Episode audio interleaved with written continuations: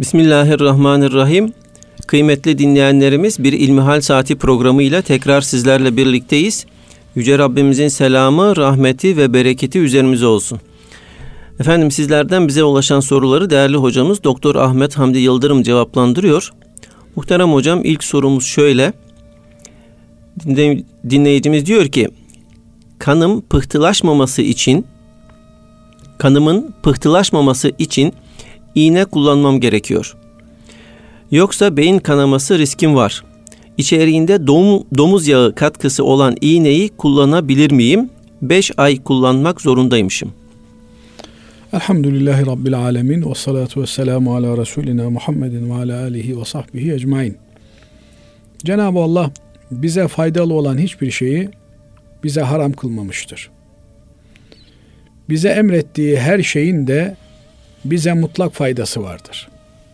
Fakat biz Rabbimizin bize emrettiği şeyleri bunun şöyle böyle faydası var. Bundan dolayı bunu yapıyorum diye yapmıyoruz. Rabbimiz emretti, başımız gözümüz üzerine diyerek Allah'ın emirlerini yerine getirmeye gayret ediyoruz. Yine Rabbimiz bir şeyi bize yasaklamışsa bunda şöyle zararlar var, insanlığın şöyle felaketi burada söz konusu diyerek de o yasaklardan geri durmuyoruz. Allah yasak etmiş, bize düşen kul olarak, Allah'ın kölesi olarak Allah'ın yasak ettiği şeylerden uzak durmaktır diyoruz. Biliyorsunuz bu malum hayvan, hınzır, her yönüyle ümmeti Muhammed'e haram kılınmıştır. Müslümanlara haram kılınmıştır. Bunun hiçbir şeyinden istifade etmemiz mümkün değildir. Ne etinden, ne tırnağından, ne derisinden hiçbir şeyi istifadeye konu olamaz. Cenab-ı Allah haram kıldığı her şeyin fazlasıyla helal alternatiflerini bize vermiştir. Yani bir şey haram kılınmışsa karşısında yüzlerce şey onu fazlasıyla karşılayabilecek şekilde helal olarak bize verilmiştir. Fakat muhtemeldir ki bizim ilmimiz, bilgimiz, irfanımız bir takım şeylere yetişemeyebilir. Böyle bir durumda yani bizim ilmimizin yetişmediği bir durumda çaresiz kalırsak Cenab-ı Allah bize zaruret hükümlerine binaen bunlardan faydalanma ruhsatı vermiştir. Nitekim ilgili ayeti kerime فَمَنِ الضُّرَّ غَيْرَ بَاغٍ وَلَا عَادٍ yani kim muzdar kalırsa, mecbur kalırsa, zarurette kalırsa, bir azgınlık ve taşkınlık olmaksızın, zaruret çerçevesinde bunlardan istifade edebilir. Söz gelimi işte dağda mahsur kaldınız. O hayvanı avladınız. E, yemeseniz öleceksiniz. Yiyebilir misiniz? Veya diyelim ki gavur bir memlekette hapse düştünüz. Bir gün yemediniz, iki gün yemediniz, üçüncü gün yemeseniz elden ayaktan, takatten düşeceksiniz. Onların yemeklerini yiyebilir misiniz ki malum hayvanın etidir, yağıdır, her şeyi olabiliyor. Bu gibi zaruretler çerçevesinde Cenab-ı Allah haddi aşmayacak miktarda yani ölmeyecek kadar yemeği bizlere ruhsat olarak vermiş. Ölmeyecek kadar yiyebilirsiniz. Ama hazır ruhsatı bulmuşken yiyeyim buradan semizleneyim demek doğru olmaz. Şimdi bu genel bilgiler çerçevesinde bu kardeşimizin özeldeki sorusuna gelecek olursak yani bir ilaç hakikaten Müslüman. Müslümandan kastım ne? Yani geleneksel olarak kimliğimde İslam yazan bir kişiyi kastetmiyorum. Allah inancı olan, ahiret hassasiyeti olan, sözünün ağırlığını taşıyabilen. Yani şimdi bazı kimseler var. Efendim sen kullan günahı benim olsun. Günahın ne, ne demek olduğunu bilmiyor. Yani günahı basit bir şey zannediyor. Bu adam böyle cahil biri günah diye inanmış. Ben günahı alırım. Öyle kimse kimsenin günahını alamıyor. Binaenaleyh hakikaten Müslüman işinin ehli, uzman. Bundan da kastım yani sadece e, protokolde, literatürde kendisine dayatılan ilacı efendim bilmem ne hastalığının ilacı olarak şu literatürde yazıyor. E, tedavi protokolünde de bunu veriyorlar. Bunu bilirim ben başkasını bilmem türünden bağnaz bir kimse değil. Hakikaten işinin ehli, uzmanı şu olmazsa şu olur, alternatifi budur. Bunu Müslümanlar üretmiş, bunu Çinliler üretmiş, bunu Koreliler üretmiş, bunda şu olabilir, bunda bu olabilir diye tavsiye ettiği ilacın muhtevasına hakim bir doktor kalkıp diyor ki kardeşim yani bu ilaçtan başka kullanabileceğimiz alternatif bir ilaç yok ve bu ilacı kullanmadığımız zaman da şu üç durumdan biri söz konusu olur. Ki bunun en başında ölürsün. İkincisi hastalığın ağırlaşır. Yani şu anda diyelim ki yüzde yirmi e, damar tıkanıklığı vardı sende. Bu ilacı kullanmazsan günde gün bu artar ve yüzde seksen, yüzde doksana ulaşır tıkanıklık. Üçüncüsü de yani bir haftada iyileşeceğine bir ayda iyileşirsin bu ilacı kullanmazsan. Bu üç durumda ki bunun birincisi zaten bunu kullanmazsan ölürsün. Bu amenna. Bunun karşısında yapabileceğimiz bir şey yok. İkincisi bunu kullanmazsan hastalığın artar. Bu da ciddi bir risk. Bu gibi durumlarda biz alternatifi olmayan bu tür haram maddeler içeren ilaçları zaruret çerçevesinde bir ruhsat olarak kullanabiliriz. Ama alternatifi varsa şimdi bir ilaç 3 lira, alternatifi 30 lira. Alternatifini kullanmak pahalı. Ucuz diğeri. Bu durumda benim ne yapmam lazım? Eğer kendi öz kaynaklarımla kimseye minnet etmeden bunu alabiliyor isem üçüne beşine bakmadan bunu almam lazım geliyor. Eğer hayati bir mesele ise bunu da şundan dolayı söylüyorum. Eğer bir şeyin alternatifi varsa bir şeyin alternatifi varsa atıyorum A ilacının içerisinde bu malum hayvanın e, türevlerinden bir türev var 10 liraya satılıyor. Bunun alternatifi var. Tamamen helal içerikten oluşan o da 100 liraya satılıyor. Demek ki 10 liraya satılanın bir alternatifi var 100 liraya satılan. Bu gibi durumlarda prensibimiz, ölçümüz şu olmalı değerli hocam. Eğer 10 liralık ilaç olmasa sadece piyasada 100 liralık ilaç olsa ben bunu kullanıyor muyum? Evet. Yoksa ya bu pahalı kardeşim ben bunu kullanacağıma ölürüm demeyi mi tercih ediyorum? Eğer sadece 100 liralık ilaç olduğunda bu çok pahalı bunu kullanacağıma ölürüm bunu alacak imkanım yok diyorsak imkanımız yoksa onu almaya o bizim için yok hükmündedir. Hani alternatifi yok sayılır. Ama eğer 10 liralık içinde domuz türevi olan bir ilaç piyasada olmamış olsaydı biz gayet normal bir şekilde 100 liralık ilacı alacak idi isek o zaman o 10 liralık içerisinde domuz türevi olan ilaç bizim için yok hükmündedir. Yani o da var bu da var. Ben niye gideyim kardeşim 100 liraya e, bu helal diye buna kazıklanayım? Tırnak içerisindeki ifade böyle bir şeyi deme lüksü bir Müslümanın yok.'' Ne yapalım yani şimdi? Koyun eti 100 lira, öbür hayvanın eti 5 lira diye ondan mı yiyelim? Niye ben gideyim kardeşim koyuna kendimi sömürttüreyim der mi bir insan diyebilir mi? Binaenaleyh bazen böyle söz konusu oluyor işte diyelim ki bir ticaret yapacak e, finans katılım bankalarından bir ticaret yapacak ev alacak efendim ben buradan alacağıma giderim filan yerden faizle alırım o daha ucuza mal oluyor. E niye ben gideyim de e, kendimi sömürttüreyim türünden ifadeler de aynen buna benziyor. Binaenaleyh yapılması gereken iş şu. Hakikaten dinine, diyanetine güvendiğimiz, sözünü ölçüp biçerek konuşan bir doktora gitmemiz, işinin uzmanı, alternatifleriyle konusuna hakim birine derse ki kardeşim bak ben de senin gibi namaz ehli bir Müslümanım ama ben de böyle bir hastalığa düşsem bunu kullanmaktan başka çare yok.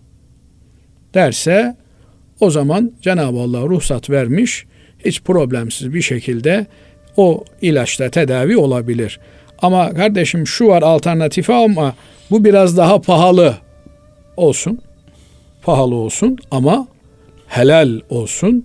Onu bir Müslüman kullanmak durumundadır. Evet. Hocam Allah razı olsun. Efendim şimdi ikinci sorumuz şöyle. Defalarca mürtet olan tövbe edebilir mi? Şimdi e, Kur'an-ı Kerim'de Müslüman olmuş, dinden çıkmış, tövbe etmiş, Müslüman olmuş, dinden çıkmış, tövbe etmiş, Müslüman olmuş. Bir daha artık ona bu kapı kapalıdır malinde bir ayeti kerime söz konusu. Fakat bu e, işin siyasi boyutuyla ilgili bir mesele. Şöyle ki bir adam size ihanet etmiş, düşmanla işbirliği yapmış. Yakalamışsınız, vallahi ben pişman oldum demiş. İkinci bir şans, üçüncü bir şans vermezsiniz. Hatta ikinci şansı da vermeyebilirsiniz. Yani fırsatını bulmuş bir daha Müslümanlara ihanet ediyor. Tamam kardeşim bir Müslüman bir delikten bir kere ısırılır. İkinci bir kez aynı hataya bir Müslüman düşmez. Fakat iman dediğimiz şey kalpte biten bir hadise olduğu için kişinin Allah'a iman etmesi bu yüz defada bin defada on bin defada olabilir. Şöyle ki Efendimiz Aleyhisselatü Vesselam ahir zamanda öyle bir olacak ki insanlar gece Müslüman yatacaklar, sabah veya geceye Müslüman girecekler. Akşam ezanı okunurken Müslüman, sabah ezanı okunurken dinden çıkmış olacak. Şimdi bazen e, gece Müslüman yatacak, sabah gavur kalkacak diyoruz. Yani uykuda din değiştirecek hali yok adamın. Ama akşam namazı vaktine Müslüman olarak girmiş, evine gitmiş, televizyon seyretmiş mesela bugünkü ortamı. Orada e, din dışı, ahlak dışı, namus dışı bir takım ilişkileri çoluğuyla çocuğuyla beraber ha ha ha hi hi hi gülerek seyrediyor. Bu adamın dinle imanla alakası kalmaz. Sonra da sabah namazına kalkıyor, sabah namazı kılıyor. Efendim imanını tazeliyor. Sonra evinden Müslüman olarak çıkıyor ama gün içerisinde dinle imanla alakası olmayan işler yapıyor.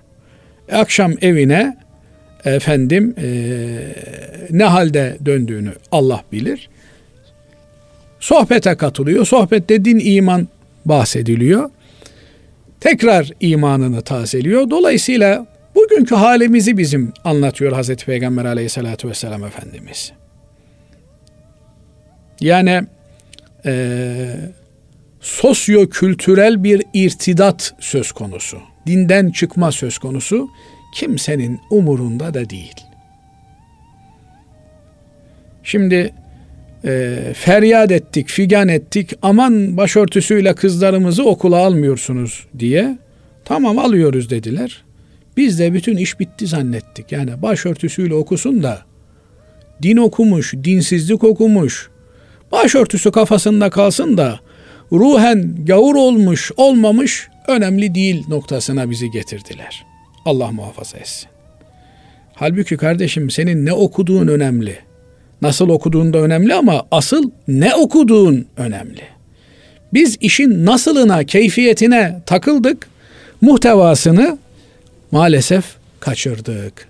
Bugün bakıyorsunuz bu eğitim sisteminden Allah'ın varlığına, birliğine, kainatın sahibi olduğuna iman eden bir nesilden çok dünyaya kendini kaptırmış tek derdi şehvetini tatmin etmek olan Yani şehvet dediğimiz sadece cinsel içerikli dürtülü şehvet değil.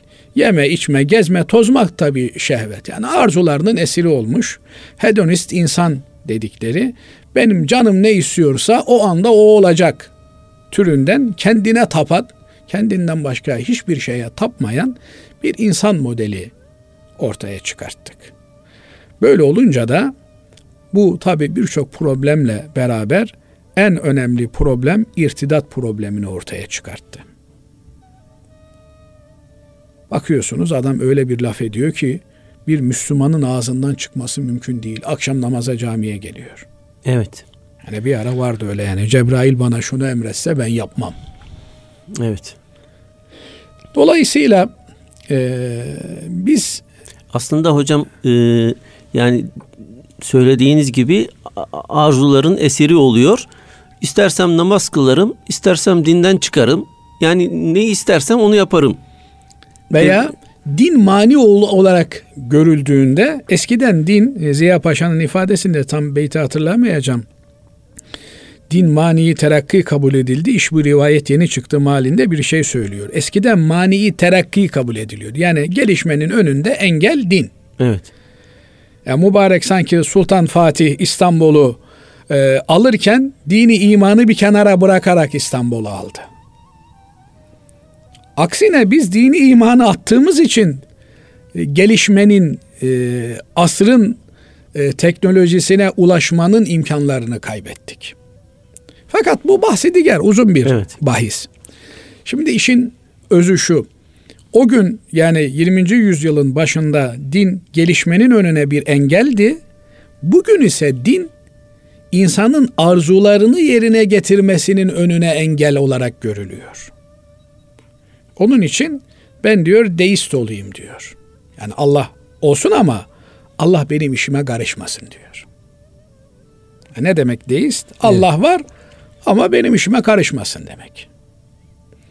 Bunun temelindeki asıl problem kendine tapan insan modelinin toplum olarak şişiriliyor ve öğretiliyor olması.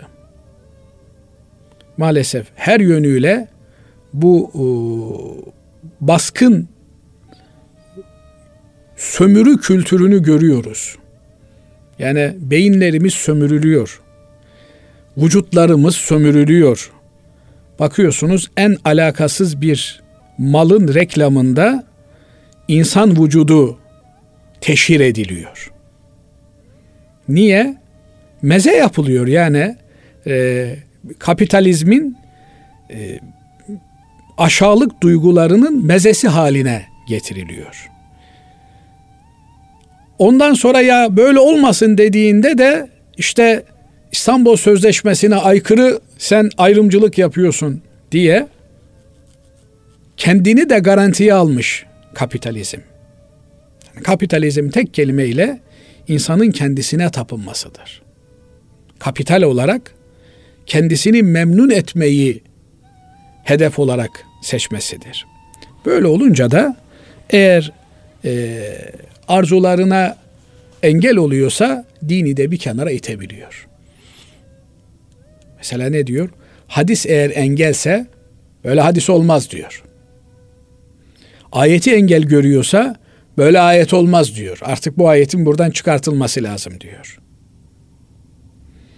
Bunlar e, maalesef eğitim sistemimizin açıkları yani eğitim mi, eğitmeme mi veya eğitilmiş insanı bozma mı? Çünkü Cenab-ı Allah fıtrat üzere insanı yaratıyor. Tertemiz yaratıyor.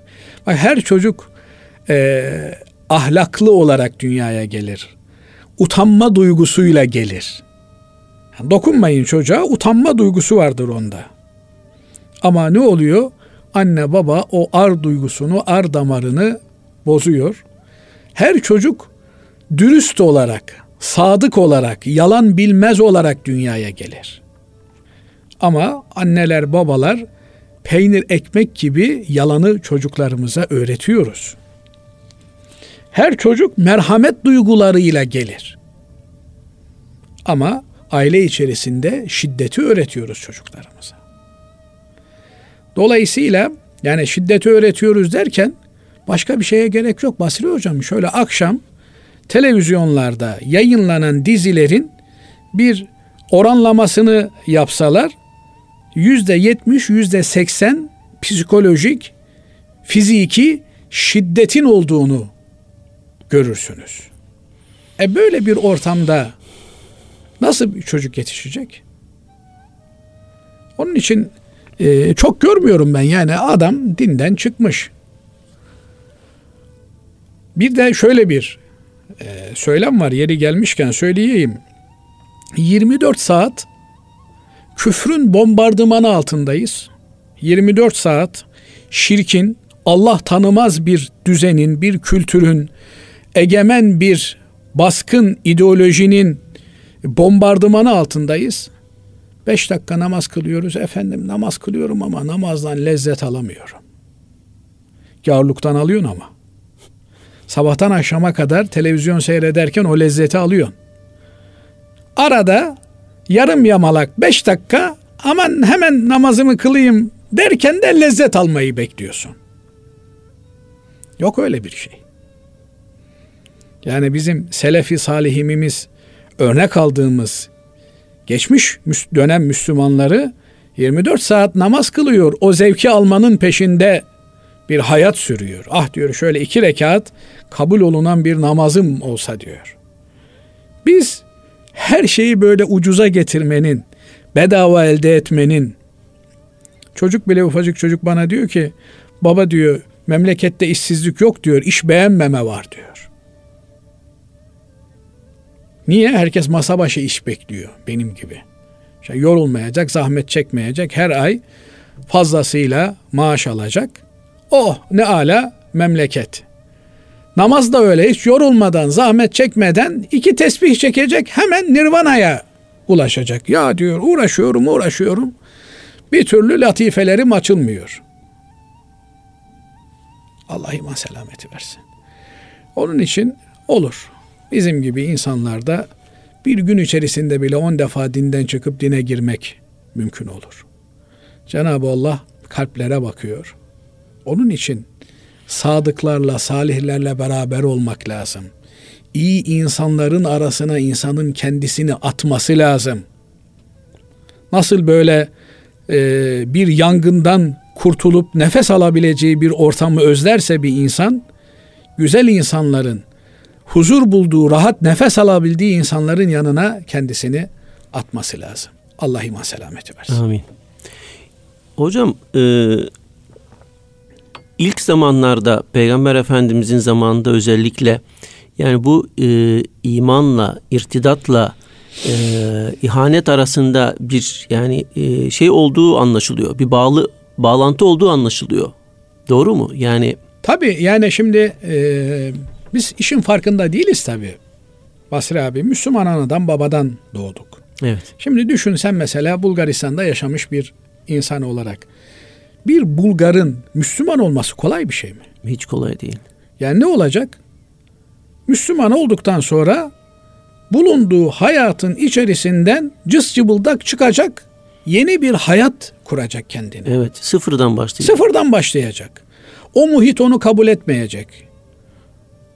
O muhitten dışlanacak. E, gelmiş Müslümanların arasına. E ondan sonra bir daha geriye dönse Bulgarların içerisine. Nasıl bakarlar ona? Hadi bir kere döndü. Bir daha tekrar Müslümanların arasına dönüyor. Dolayısıyla bu e, bizim kültürel irtidat dediğimiz şey yani bugün yoğun olarak yaşadığımız ki Allah gani gani rahmet eylesin. E, bu asrın siyasi mücedditlerinden biridir Ebul Hasan'ın Nedvi rahmetullahi aleyh. Onun meşhur bir eseri var. Riddetun ve la Eba Bekre leha. Ebu Bekri olmayan irtidat hareketleri. Biliyorsunuz Ebu Bekir Efendimizin evet. en önemli vasıflarından bir tanesi Peygamber Efendimiz aleyhissalatu vesselamın vefatından sonra baş gösteren irtidat hareketlerini bastırmasıydı. Evet. Hatta çok sert durdu. Yani sertliğiyle bilinen Hazreti Ömer Efendimiz bile ya ne yapıyorsun deyince ya Ömer dedi vallahi peygambere verdikleri bir e, hayvanın yularını zekat olarak vermekten imtina ederler, zekatı kabullenmezlerse onlarla savaşırım dedi. Bu irtidat hareketlerine karşı çok sert durdu. Allah razı olsun. Bütün hepsinden. Evet. Diyor ki Ebu Hasan Nedvi hocamız, günümüzde de diyor irtidat hareketleri var ama diyor Ebu Bekir yok diyor. Bunlara karşı duracak. Ne yapıyorsun kardeşim sen? Hangi müfredatı okuyorsun? Bu dinsiz müfredat. Hem başörtülü okusan ne olur, sakallı, sarıklı, cübbeli okusan ne olur bu müfredatı? Ama evet. kimseden ses yok. Adı Müslüman bir ev çizmiş, bir ev üretmiş. Allah'ım ya Rabbim ya bir Müslümanın üreteceği ev kıbleye yönelik olur. Bu kıbleye yönelik değil de Roma'ya yönelik evi çizmiş. Bakıyorsun bütün her şeyiyle batı kültürü egemen olmuş. Yani şunu şurasında en azından e, içeride çalışan ustalar, namazlı ustalar olunca tuvalet taşını kıbleye dönük koymazlardı. Şimdi onu da hesaba katan yok. Bu demek ki bir kültür meselesi. Bir baskın inanç meselesi. İnşallah ümit ediyoruz ki gençlerimiz bu meseleyi dert edinirler. Onun için Efendimiz Aleyhisselatü Vesselam gençlerle meşgul olmuş. İnsan nasıl alışırsa öyle yaşıyor. Nasıl yaşarsa da öyle ölüyor. Nasıl ölürse de öyle diriliyor. Öyle 24 saat televizyonun başında geçireceksin. 5 dakika secdede vakit geçireceksin. Ondan sonra da ya işte namaz kılanlarla ya Rabbi beni haşret. Beklersin. Evet Allah hocam. iman selamet Allah razı olsun. Kıymetli dinleyenlerimiz kısa bir araya gidiyoruz. Aradan sonra kaldığımız yerden devam edeceğiz. Kıymetli dinleyenlerimiz İlmihal Saati programımıza kaldığımız yerden devam ediyoruz. Muhterem hocam bir hanım dinleyicimiz şöyle soruyor. Sağ dizimde menüsküs var. O yüzden namaz kılarken ayaklarımı sağ tarafa değil sol tarafa doğru yatırıyorum. Bu oturuş şekli geçerli olur mu? Evet. E, namazda namazın şartları dediğimiz namazın dışında yapmamız gereken hazırlıklar bir de namazın rükünleri dediğimiz namazın içerisindeki temel vazifelerimiz haricinde kalan şeyler namazın vacipleri, sünnetleri, müstehapları olarak karşımıza çıkıyor. Ma mafi her halükarda hepsiyle ilgili en temel kıssas gücümüzün yettiği kadarıdır. Yani bir kimse secdeye gidemiyor. E secdeye gidemeden diğer yapabildiklerini yapacak. Efendim secdeye gidebiliyor ama secdeden sonra kaydeyi ahire dediğimiz veya kaydeyi ula dediğimiz dört rekatlı namazlarda ikinci rekatın sonunda iki rekatlı namazlarda ikinci rekatın sonunda veya dördüncü rekatın sonunda oturduğumuz yani iki rekatta bir oturuyoruz normalde. Bu oturuşlara oturamıyor. E o zaman o oturma yerine sandalyede oturabilir. Ama secdeye gidebiliyor. Fakat dizlerini kırıp oturamıyor. Şunu söylemeye çalışıyorum. Ee, Hz. Peygamber aleyhissalatü vesselam Efendimiz yapabildiğin kadarıyla söylüyor. Yani ayakta durabiliyorsan ayakta dur, oturabiliyorsan oturarak namazını kıl, oturamıyor isen yani oturduğun zaman ciddi dayanılmaz bir acı varsa e, bundan da maksadımız yani aman aman ölecek kadar bir acı değil. Ya namazda asıl olan insanın kendini Allah'a vermesidir. Şimdi o da ayrı bir bahis tabi. Yine başa döneceğiz belki. Affınıza sığınarak söylüyorum. Buyurun hocam. Ya bir beş dakika, dakika namaz kılıyoruz. O beş dakikalık namazın içerisinde gitmediğimiz bir yer kalmıyor. Düşünmediğimiz bir mesele kalmıyor. Halbuki yani günün 23 saat 55 dakikası zaten dünyadasın. Ya bir beş dakika dünyadan kopup Allah'ın huzuruna intikal edeceksin. Allah huzuruna kabul etmiş seni. Ama olmuyor. Şimdi bu rahatsızlıktan maksadımız huzuru bozacak şeyler. Adam dizlerinin ağrısından ne okuduğunu anlayamaz hale gelmiş. Secdeye gidiyor. Secdede migreni tutmuş. Dayanılmaz bir acı. Bir an önce kalkayım diyor. E o zaman o secdeyi biraz daha yukarıdan yapacak. Binaenaleyh burada temel olan kriter yapabildiğimizi yapmak. Şimdi bu ablamız normalde ne yapması lazım? Ayağını sola doğru uzatıp e, oturması lazım. Sağa doğru. Ha, sağa doğru uzatıp oturması lazım. O, o otur oturamıyor. Diğer türlü oturur. Evet. Hiçbir sıkıntı olmaz. Ama elimiz ayağımız tutuyor, gücümüz yetiyorsa usulüne, adabına uygun namazımızı kılmamız lazım. Bu vesileyle tekrar, tekrar, tekrar hatırlatıyorum. Bakın yani bir yarım yamalak namazımız kaldı. Bu namazı eğer doğru kılamamışsak kurtaracak hiçbir şeyimiz yok demektir. Onun için yani başta ben olmak üzere şöyle bir ilmine, irfanına güvendiğimiz hoca efendinin yanında hocam iki dakika şöyle bir, bir rekatlık bir namaz kılayım da bir bak. Bir bak. Benim kıldığım namaz namaz mı? Ama hocam e, diyelim ki insan şekil olarak namazı kılıyor. Az önce bahsettiğiniz hani o iş dünyasında efendim bin bir yeri dolaşıyor o beş dakika içinde. Onu nasıl e, telafi edeceğiz? Onu nasıl düzelteceğiz? Vallahi hocam o iş zor. Yani öyle bir hoca efendi yok benim iş dünyama da bak diyeceğin. Yani e, var da söylemez. Şimdi fakat şunu söyleyebilirim Basri hocam. Bir adamın iş dünyasının bozuk olduğunu namazı kılışından üç aşağı beş yukarı tahmin edebilirsiniz.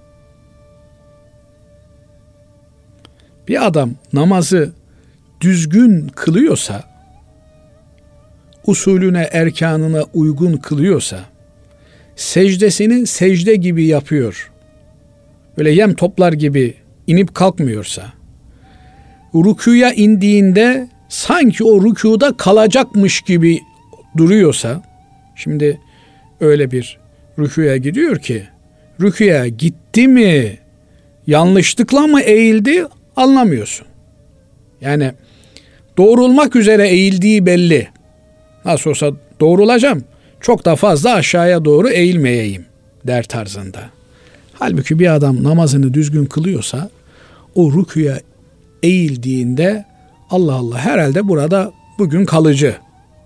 Secdeye indiğinde herhalde bugün bu secdede kalıcı buradan kalkmaya niyeti yok. Yani şimdi e, çoğu zaman şahit olmuşuzdur. Adam eczaneden bir şey alacak. Arabayı alet tayin park eder. Ya bir dakika abi eczaneden bir şey alacağım geleceğim. Ama araba eğer 2-3 gün kalacaksa bir yerde ne yapar? Sağlam bir şekilde kenara park pozisyonuna geçer. Şimdi secdeye giden adam da yani ben secdede kalıcıyım kardeşim secdede. Secdeden ötesi var mı ya? Cenab-ı Allah'a en yakın olduğun yer. Secde. Sonra secdenin sayılmaz maddi manevi faydaları var. Yani bugünlerde bir şeyler okuyorum. Yani Cenab-ı Allah bize neyi emretmişse maddi manevi sayısız faydası olduğu için bize emretmiştir. Onun için böyle dışarıdan baktığında bir adamın namazı düzgünse yani şimdi bir de namaz için giydiği kıyafet de önemli. Bir adam düşün ki zibidi gibi gelmiş. Şortla beraber namaza gelmiş. Affedersin secdeye eğildiğinde sırtı görünüyor. Ben o kadar diyeyim. Yani bunun dışında bir hayır yok ki içinde hayır olsun. Dolayısıyla namazı ciddiye almak lazım. He namazı çok ciddiye alıyor ama içinde yine o huşu oluşmuyor. E bunun kardeşim oluşmasının yolu 24 saatini namaz kıvamında geçirmektir. Yanıyoruz. Şu yangından hangi nefesi kurtarırsak o bizim için kar. Onun için bir insan 24 saatini namaz kıvamında geçirirse namazını biraz biraz belki kurtarabilmiş olur.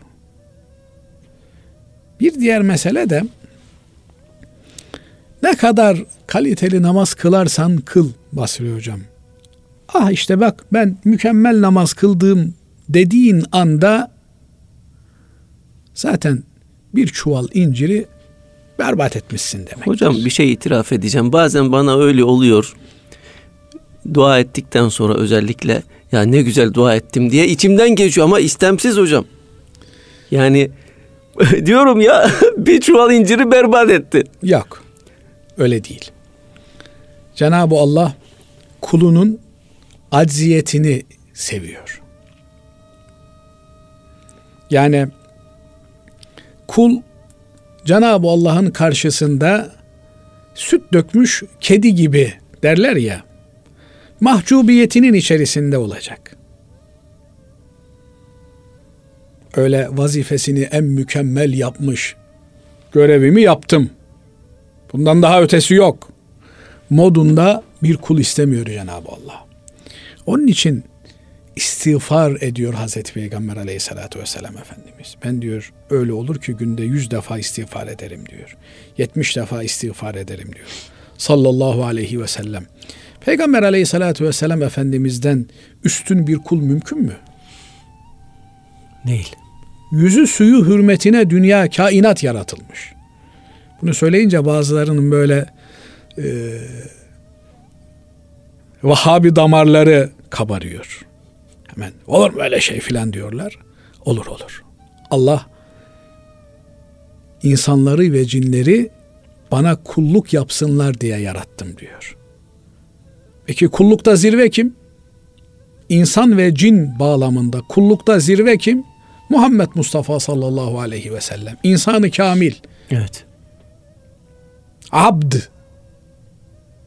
İşte abd olunca abd olmanın müthiş muazzam sırları var.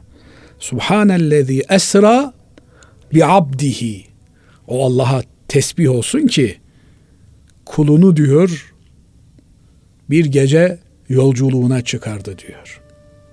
Allah'a kul oldu mu bir insan Allah onun elinden tutar, onu gecede gündüzde istediği yerlere götürür dolaştırır. Allah'ın kulu olmak.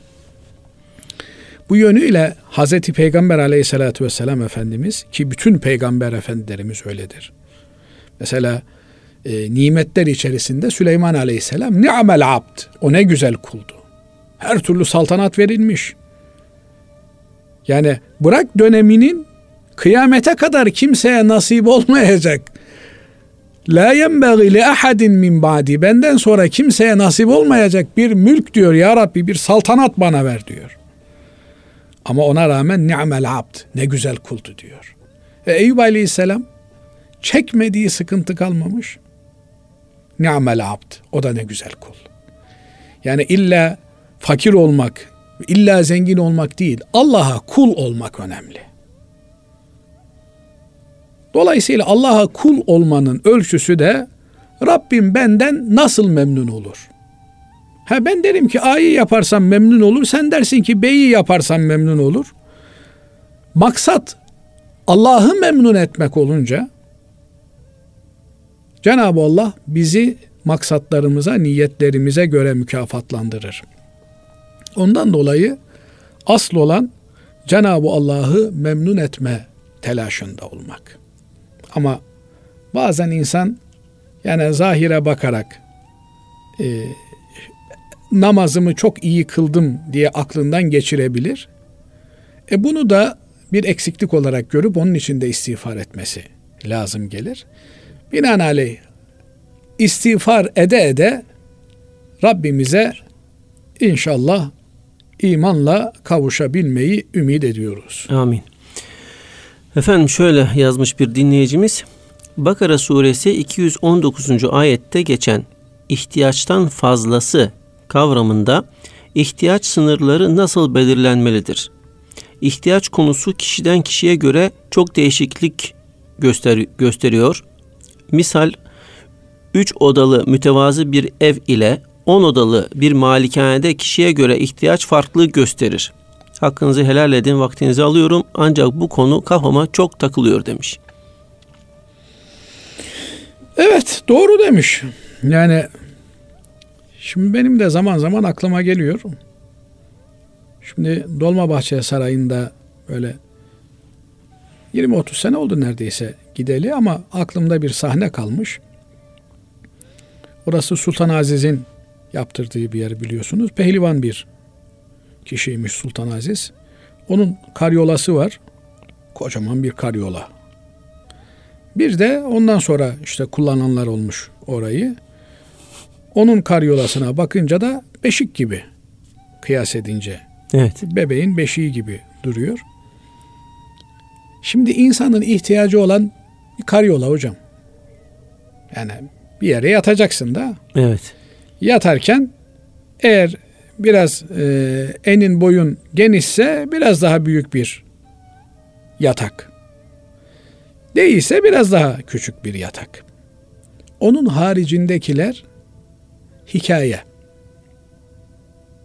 Yani dolayısıyla e, ihtiyaç dediğin ne? Bir artı bir bir ev. Birinde yatacaksın. Hadi birinde de misafirini vesaireni filan karşılayacaksın. Fakat ne oluyor? Yetmiyor. Bakıyorsun yeni evlenen bir çift 3 artı 1 bir eve yerleşmişler. E yavrum niye bu 3 artı 1? İşte misafirimiz gelir.